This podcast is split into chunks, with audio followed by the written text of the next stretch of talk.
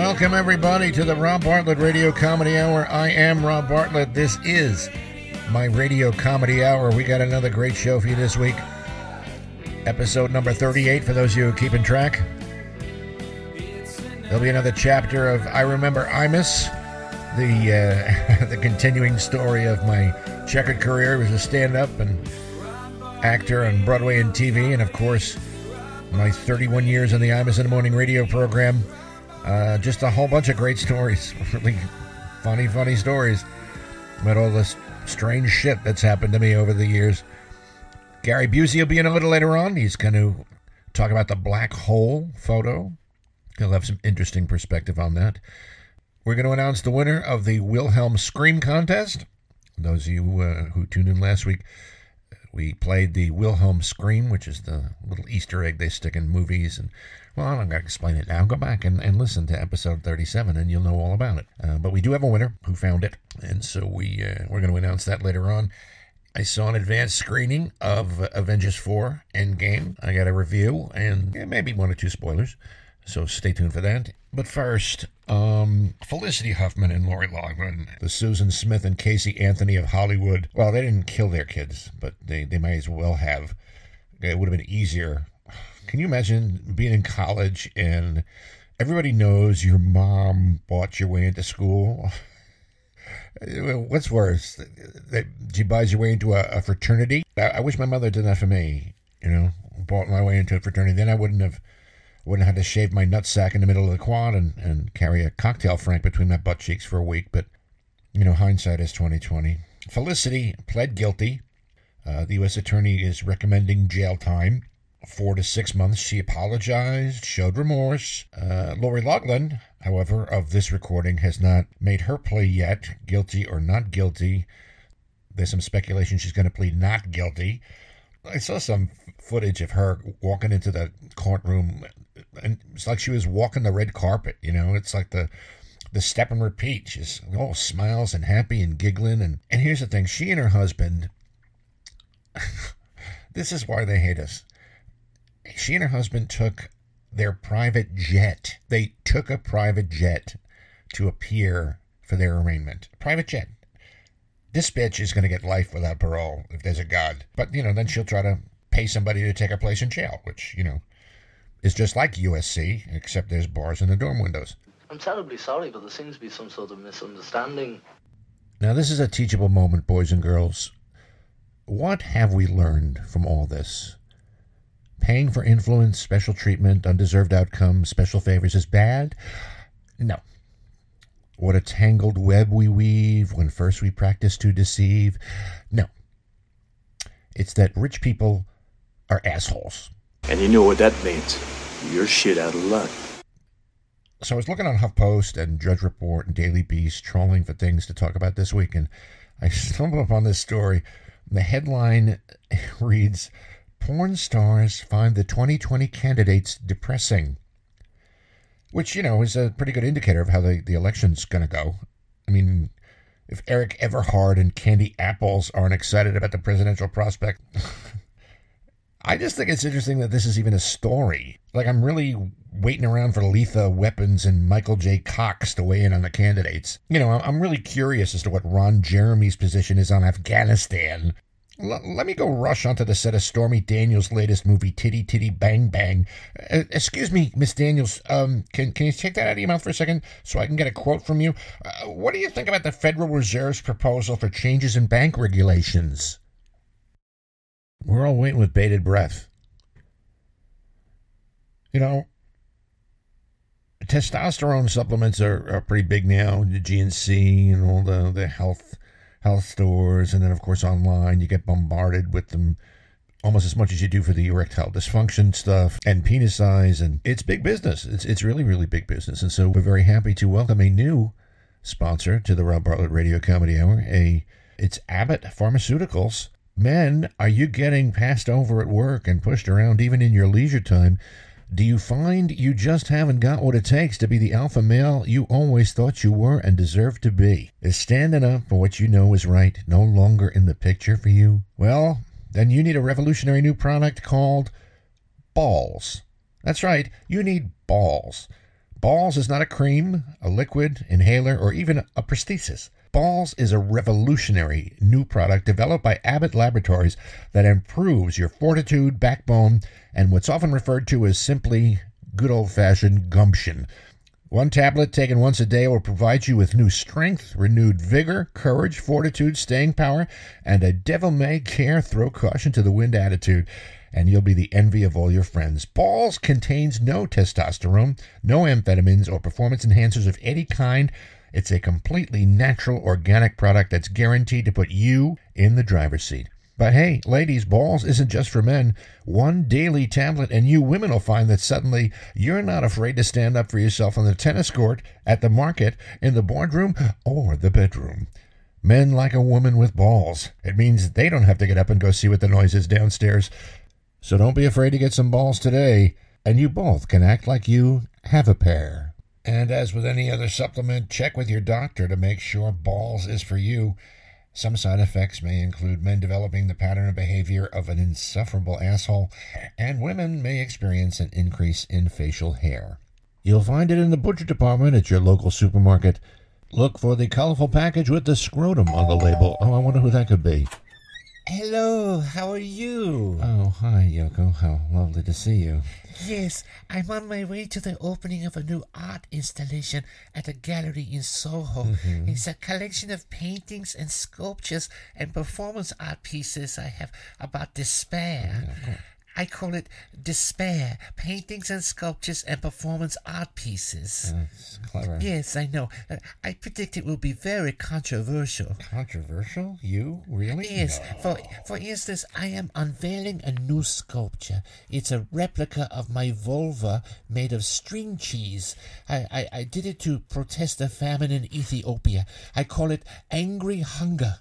String cheese. Yes, it's a medium for art that has not yet reached its fullest potential. But I'm most excited about my new performance art piece. You remember the one I created last year? Uh, the one I called Woman is Sandwich? uh, that was where I sat naked on a stool and invited people to squirt me with mustard until I was completely covered. Yeah, uh, I remember thinking at the time, at least it's not mayonnaise. See, but, but then I could not make a statement about the inherent racist stereotype labeling of minorities in American society Oh, without course. the use of the yellow mustard. Yeah, yeah. Well, tell me about this newest performance art piece. This is intended to raise money for a charity. It's, Okay. it's called Goddess Gate of Oh, Paradise. catchy. You know how a magician will pull objects out of a top hat?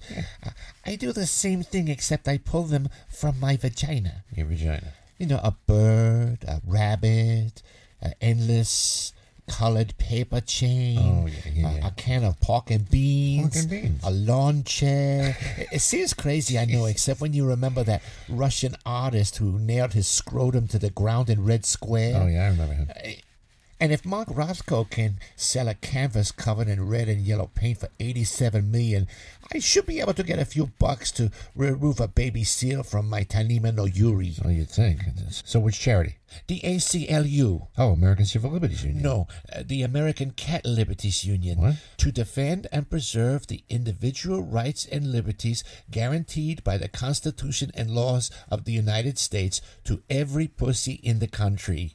Okay, I, I get it. So, uh, any haikus for us this week? You mean the ancient Japanese poetry form of, of blank verse, five syllables, followed by seven, Seven syllables, syllables, followed by five syllables? Yeah. mhm. Yes, yes. This is one I wrote about the college students who are traveling uh, for their spring break. Oh, I call it Spring Break. Oh, good title. Stuck at the airport, I enjoy a Toblerone and cavity search. Oh, that's uh, that's genius. Yes, it says so much. Yeah.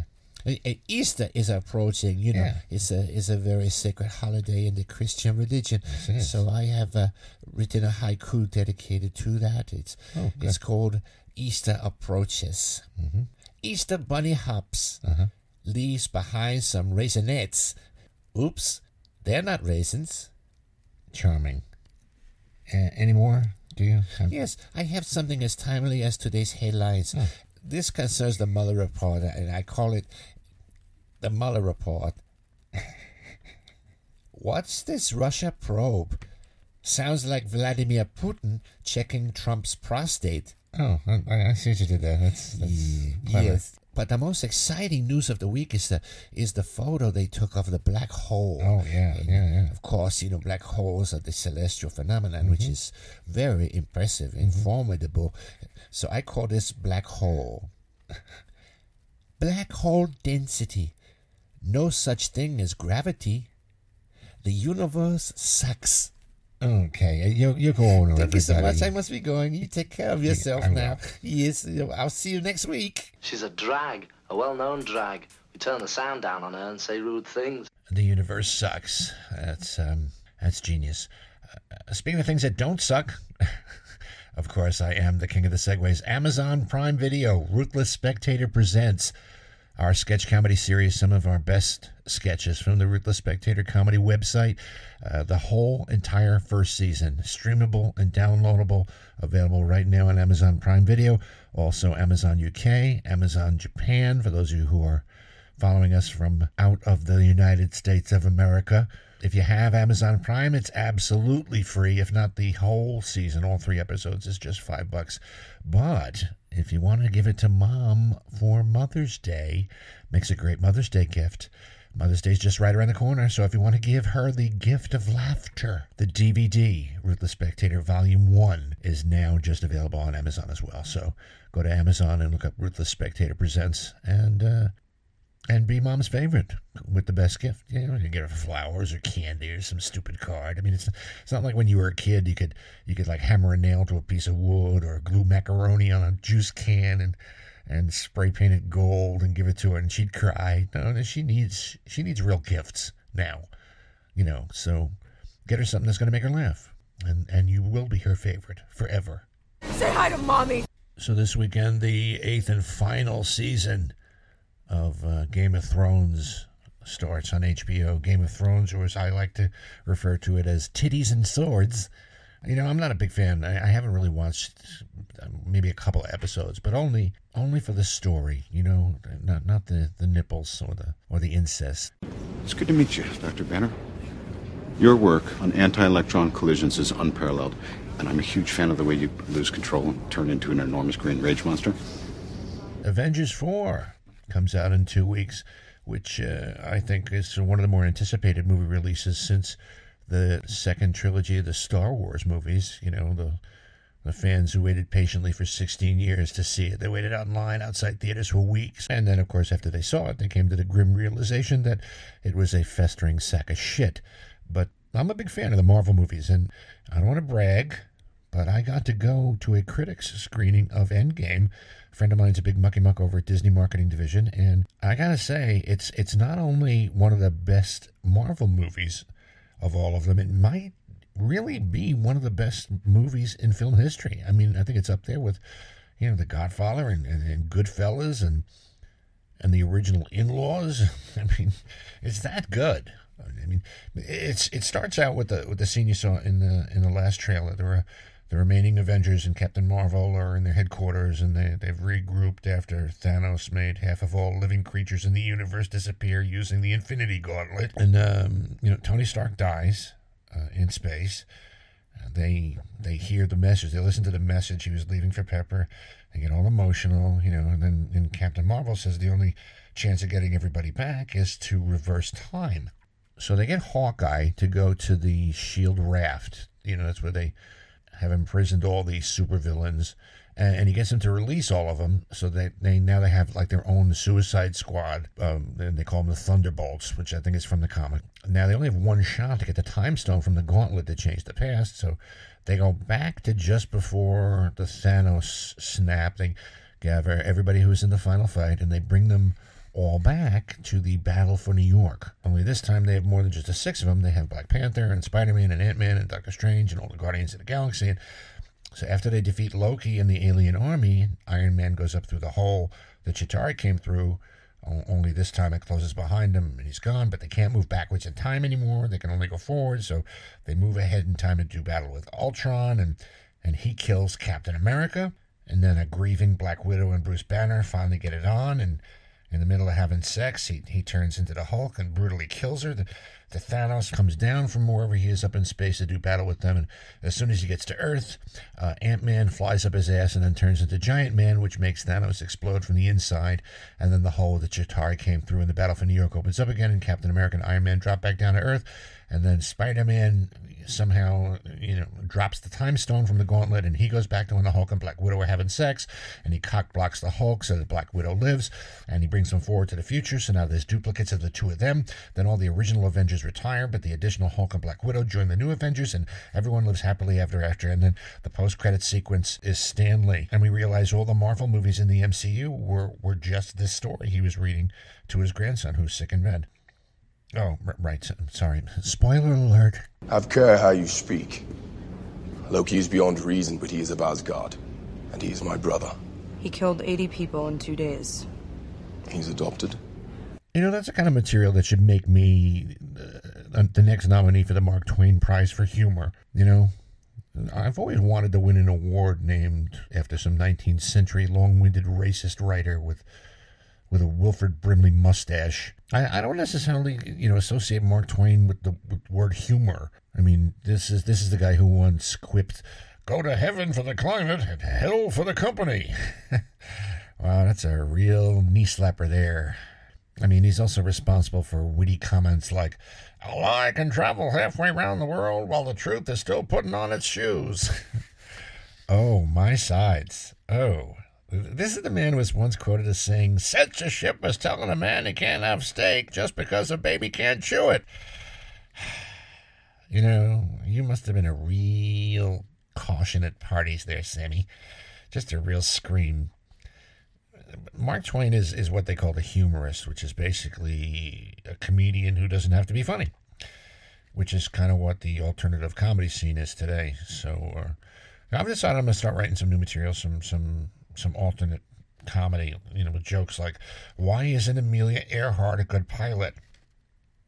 Because she's dead. Huh? What about this one? What's long and hard and not good for your teeth? A baseball bat to the face. Come on. Gems. You can call me Joker. Yoko mentioned before about the uh, the picture of the black hole, which is a, a huge deal uh, for astrophysicists. So we were trying to think who we could bring in to uh, weigh in on this momentous occasion, and of course, we all just agreed right away that it had to be Gary Busey. So uh, please welcome actor, philanthropist, philosopher, and demigod, Gary Busey. This week, with the aid of a network of super telescopes known as the Event Horizon, astrophysicists were able to capture the first photo of a black hole. Basic legitimization of astronomic celestial knowledge and the heavenly obliteration of light and energy, which is the biggest moment in astrophysics since the discovery of the theory of relativity, which started out as Einstein trying to trace his family lineage. However, although I do not like to brag, I must admit that I saw this black hole firsthand. Recently, I was contacted by emissaries from the opposite end of the universe who manifested themselves as orbs of gold light and spoke to me in a voice that sounded like an androgynous Trini Lopez, who taught me how to travel freely through time and space, which for me has turned out to be easier than trying to mate a Chihuahua with a Great Dane without the use of a step stool. I went 50 million light years away to the M87 galaxy and gazed upon this very same black hole that's in the photo with my own eyes. It was an extremely dense object from which not even light could escape, such was its gravitational yeah. pull that sucks anything near it into a void of oblivion. There is no entity in the universe that sucks more than a black hole other than the New York Knickerbockers and the second season of True Detective. On my way back from my astral journey, I, I happened upon the Voyager space probe, which was launched by NASA in 1977, hoping to find alien life.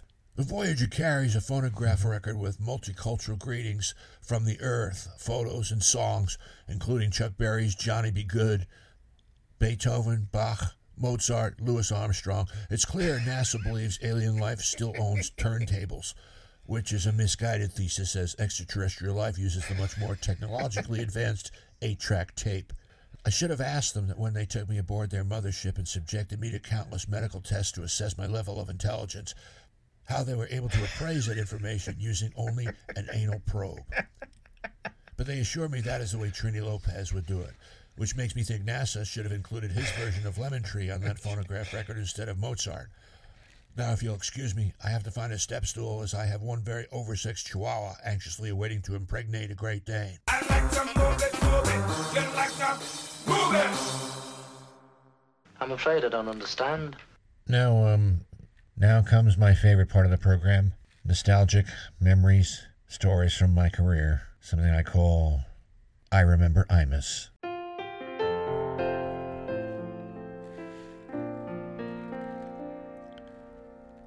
You know, looking back over my 40 year career, I remember all the great times, all the highs and all the lows, all the great opportunities I've had, all the stories, all the laughter. But mostly I think about the man who really made it all possible. I remember Imus.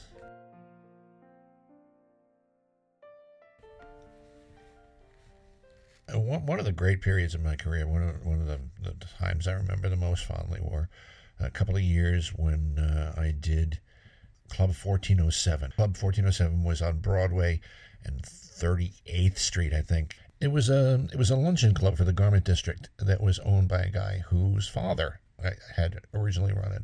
Really had like that feeling of an old time club, almost like the Friars Club, and it was in the basement um, of this uh, restaurant, basically in, in this in this office building in the, in the Garment District, and uh, you know it had like really thick plush shag carpet, the wood, and I mean really, and had waiters who'd been there since the, the place opened, like lifer kind of waiters, the kind that were in the union. I remember there was one named John, John Voros. He uh, he became uh, Guido de sommelier for for Salmonella, and he just delighted in uh, in being part of the show. You know, he would he would give out wine suggestions, and I'd go to somebody in the in the audience who was having dinner, and I'd say. Uh, all right, uh, Guido, uh, we have uh, this guy here is having a, uh, a steak and a baked potato and French string beans. Uh, what wine do you suggest? And uh, he'd go over and he'd look, look at the plate and he'd go, I would suggest red. I, I did music, you know. I, I I always wanted to have music in the show, so there was music in the show. I had a, my own piano player, my own accompanist, uh, Carol Goldwasser uh, what's her name? She is she'd been uh, somebody that we hooked up with uh, over at Jimmy's Comedy Alley in Bayside. Uh, recommendation. She was a really really great pianist and, and a funny funny lady, and and she kind of became part of the act. She would just play you know interstitial music during the act, so it was more like a almost like a Vegas act, you know. So it was comedy, but there was music in it too, and I always had musical opening acts in addition to other comics, you know, and Jeff Foxworthy opened for me there, and Ray Romano opened for me there, and just a whole bunch of people um, who later went on to bigger and better things. All were, like my opening act at 1407. But I also had a, an a cappella group called uh, JQ and the Bandits, uh, four guys who who did basically 50s uh, a cappella songs, you know, doo wop songs. And then I would bring them back at the end of my act, and we would do "The Lion Sleeps Tonight" as Salmonella. That was the finale of the of the show. The club was owned by Alan Nussbaum, who we used to affectionately refer to as Alan Nussenbaum and Weisensteinenberg. And Berg. And there was this coat check lady, Bridget, her name was, and she must have been 90 something years old but sharp as a tack. And uh, she just had this this way about her. It was how, how are you hon all right dear. Good to see you. Have can i take your coat dear? Okay fine. And, and she would answer the phone. She would answer the phone and take reservations. One of the the people who worked there belonged to one of these life spring kind of self-help holistic it was almost like a cult and at least that's the way I, I, portrayed it and i don't know if it was alan maybe it was alan's wife and uh, you know it was like a, like a motivational thing whatever it was it was I, I decided that it was you know like a devil worshipping cult and so uh, I would do, I would do Bridget answering the phone. You know, hello, hello, fourteen oh seven, huh? Alan, no, he can't come to the phone right now. And he's, can, can I take a message? Yeah, okay. hang on, let me get a pen. Okay, um, the goat for the sacrifice is going to be a little late. Beelzebub's car broke down. The blood, the blood of the miscreants shall be shed by the Lord Satan. Okay, hon, you want to leave a number? All right, hon. Okay, and Bye bye. And Club 1407 wa- really got to be a big deal because I, I promoted it on Imus. It was, uh, you know, my steady gig every Friday and Saturday night. We would do Club 1407 in Manhattan. And uh, it started to build. I mean, once I started promoting it on Imus, obviously it, it got huge. So eventually, um, you know, Imus, you know, came came to see the show. Um, and I don't think he'd ever seen me live before do my stand up act. He'd only seen stuff that I'd done on the show. So uh, this was like a huge deal. I remember being so nervous that Imus was going to be at the show. So I was at the bar. Uh, John, the bartender, uh, used to make me these killer vodka martinis. We'd call them the 007s. It was like a triple vodka martini. I mean, so I was drinking one of those at the bar when Imus came in into the club. And he, he saw me at the bar and he said, uh, if I were you and I had your act, I'd drink too. And so, you know, kind of broke the ice a little bit. And then he, of course, they set him and Lupica and their dates like right up front. So there was no getting away from him. And I just decided that I was going to use that to my advantage. So I started doing my act and, you know, and it got a rhythm going. And of course, the crowd was, you know, all excited because Imus was there. And so I could do no wrong. It's just everything I did was killing, killing, killing, killing. And then I, uh, and then I decided to go after Imus. He kept trying to get me to come off it, but uh, I, I, I said, no, no, no, no, no, no. This is this is my house now. Now you got to play by my rules. If you're gonna fuck with the eagle, you better learn how to fly. And I did. I don't know about 10, 15 minutes, and just really was merciless. And he and Lupica laughed like one thing I got to say about him is he, he you did a joke at his expense and he'd laugh the hardest. I mean, he always enjoyed when people went after him, even when, when we were on the show and we go after him. He loved that. He he'd love when Charles would lose it and, and go off on one of those you know screaming fits, and, and then later on after Charles left and he had me do him, he, he just loved when when people turned on him like that and just let him have it. To this day, when I see Lupa, he always reminds me of how Oh, I was, made some kind of a comment, you know, tried, I guess tried to heckle, and I just went after him, and it was a, it was a great, great moment. A lot, a lot of fun. They were in the in the basement at Club 1407. I don't think it's there anymore. Eventually, we moved it uptown to Indigo Blue, which was a nightclub in the Edison Hotel, uh, which had a really nice stage, and but uh, it wasn't really the same. It never really was the same. And then J.Q. and the Bandits left to go to England to do a tour and record an album. And then I got uh, Rockapella, the uh, acapella group Rockapella, which actually getting really big on their own. And Where in the World is Carmen Sandiego TV show. And then uh, once that era was over, and started doing theater shows. We was able to uh, do like the Palace in New Haven, which we did uh, like the day before New Year's Eve, I think. Uh, it was a Saturday night. Did two shows and sold out both shows. 3,000 seats each show, six thousand people in one night. It was it was a huge moment, but it was all from you know the the Imus connection, and Imus was you know huge in Connecticut, so that worked out really well for me. And then we developed a, self-contained opening act that would be of my origin that I you know created, and uh, that was the Bartletts. The Bartletts kind of came out of that uh, off-Broadway show, Beehive, where they had uh, women do all the great girl group songs in beehives and, and you know 60s 50s and 60s uh, costumes. And, and we auditioned ladies. They would do their set and then uh, introduce me and i'd come up and i'd do my act. There have been i don't know 40 some odd women who've been bartletts at one time or another. Anastasia barbatsoulis the uh, president and ceo of the bartlett organization. She's the she's the one who keeps track of all that. She's the archivist and she knows exactly who who was in the Bartletts and when and what their song was. And I'm going to talk about the Bartletts um, in more detail next week. Uh, some great stories about them on the road, but Club 1407. A lot more stories to share about my favorite subject in the world me.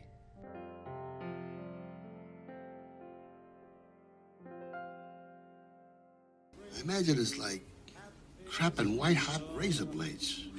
You know?